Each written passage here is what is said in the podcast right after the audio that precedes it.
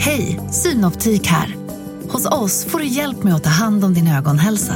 Med vår synundersökning kan vi upptäcka både synförändringar och tecken på vanliga ögonsjukdomar. Boka tid på synoptik.se. Hej och välkomna till Lisa läser. Det är jag som är Lisa och idag ska jag läsa ur boken Sagor från bondgården. Över vida vatten. Det blev ett stort hallå när gräsanden kom flygande och landade vid dammen.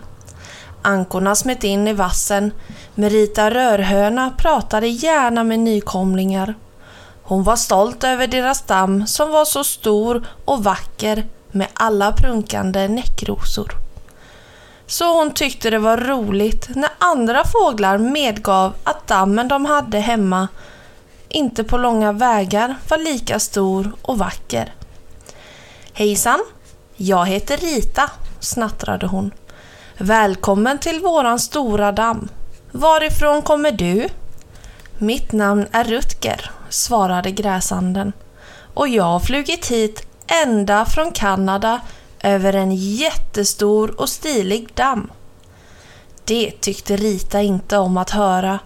Hon simmade runt, runt i en liten cirkel och rörde upp krusningar på ytan. Den dammen var väl inte större än våran? frågade hon. Rutger skrattade och satte skärten i vädret. Jo visst, svarade han. Mycket, mycket större. Hon pekade med näbben mot vassruggorna i andra änden. Sträckte den sig längre än så? Gräsanden kluckade av skratt. Mycket längre. Rita visade mot uthusen uppe på slänten. Men ända dit bort skulle den väl inte nå, sa hon. Men lilla dumsnut, sa Rutger.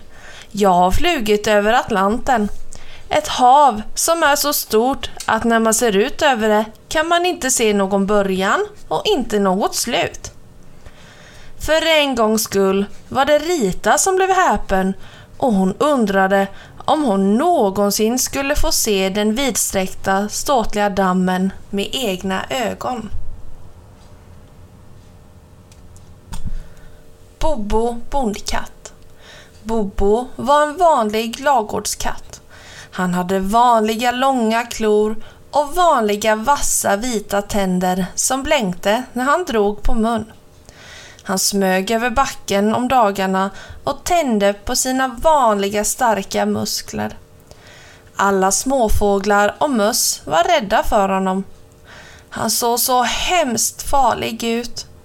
Men Bobo var inte särskilt vanlig.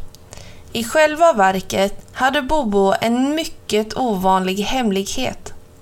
Om du kommer och hälsar på en gång om natten, när alla djur ligger och sover och står alldeles tyst och lyssnar, kan det hända att du får höra ett ganska konstigt ljud.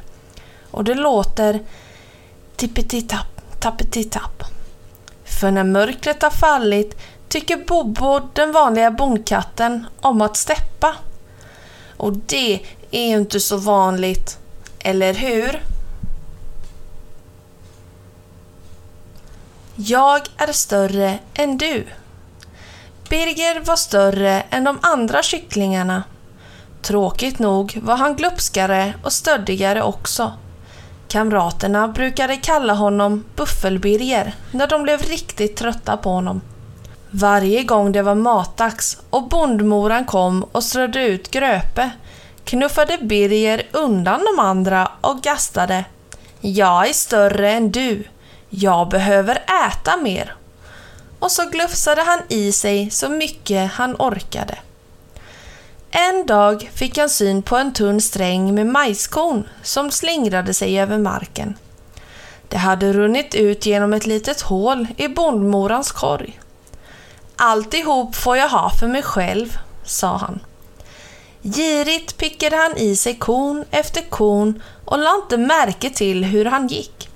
Plötsligt, duns, blev Birger omkullknuffad och när han kikade upp stod en stor tjock gås där och blängde på honom. Hallå där! Håll dig borta från min majs, väste gåsen ilsket och högg efter honom med sin vassa näbb. Jag är större än du. Jag behöver äta mer. Birger försökte att inte säga emot. Han rände iväg över gården så fort som hans korta ben kunde bära honom. Och sedan den dagen kände han sig inte så stor och han var då inte alls lika stöddig. Skollov. Simon längtade efter att det skulle bli sista skoldagen. Det är så tråkigt i skolan, sa han otåligt till sin mamma. Tänk, två hela veckor får jag vara ledig. Då ska jag leka hela dagarna från det ögonblick att jag vaknar på morgonen tills det att jag går och lägger mig. Åh, vad härligt det ska bli! Sista dagen rusade Simon hem från skolan med matlådan dunsande på ryggen. Här är jag, mamma, ropade han. Nu tänker jag bara ha roligt. Första dagen på lovet jagade Simon ankor och kycklingar och när han blev varm nog tog han en simtur i ån. Andra dagen följde han med bondmoran in till byn för att handla och tredje dagen tittade han på när bonden slog hö. Men när fjärde dagen kom kände han sig en smula ensam och visste inte vad han skulle hitta på. När börjar skolan igen, mamma? sa han. Det är så långtråkigt att vara hemma. Jag längtar efter att det blir slut på lovet snart så jag får träffa mina kompisar igen. Och snipp, snapp, snut så var dessa sagor slut.